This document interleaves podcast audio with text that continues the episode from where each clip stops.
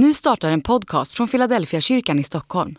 Om du vill komma i kontakt med oss, skriv gärna ett mejl till hejfiladelfiakyrkan.se. Dag 174. Löftet.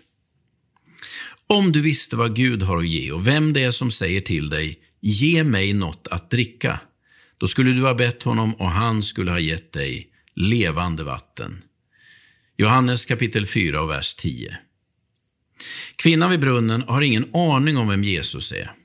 Hon verkar ha ganska dunkla uppfattningar om Gud och, och någon helig ande har hon garanterat aldrig hört talas om. Ändå är det den helige Andes närvaro som Jesus erbjuder henne i inledningen av samtalet. Hon missförstår och feltolkar och har egentligen inga förutsättningar att fatta. Ändå är det det löftet om att bli fylld av Anden som Jesus inleder samtalet med.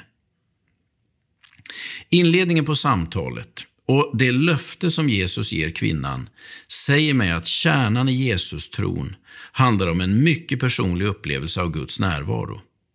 Vi har så lätt att tro att vi måste tänka på ett visst sätt eller hålla med om vissa dogmer.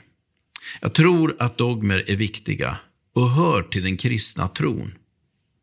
För egen del har jag ägnat fyra års heltidsstudier åt teologi och det är få saker som gör mig så upplivad som teologiska samtal.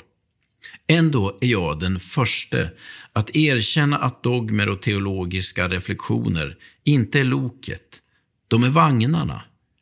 Loket som drar alla vagnar och sätter hela tåget i rörelse är den djupt personliga upplevelsen av Guds livgivande och förnyande närvaro i djupet av våra hjärtan. Utan det loket blir hela trons ekipage stående på bangården utan kraft att förflytta något eller någon. Jesus-tron är en upplevelsetro förmedlad av den helige Andes närvaro i vårt inre. Gör det Jesus uppmanar kvinnan till.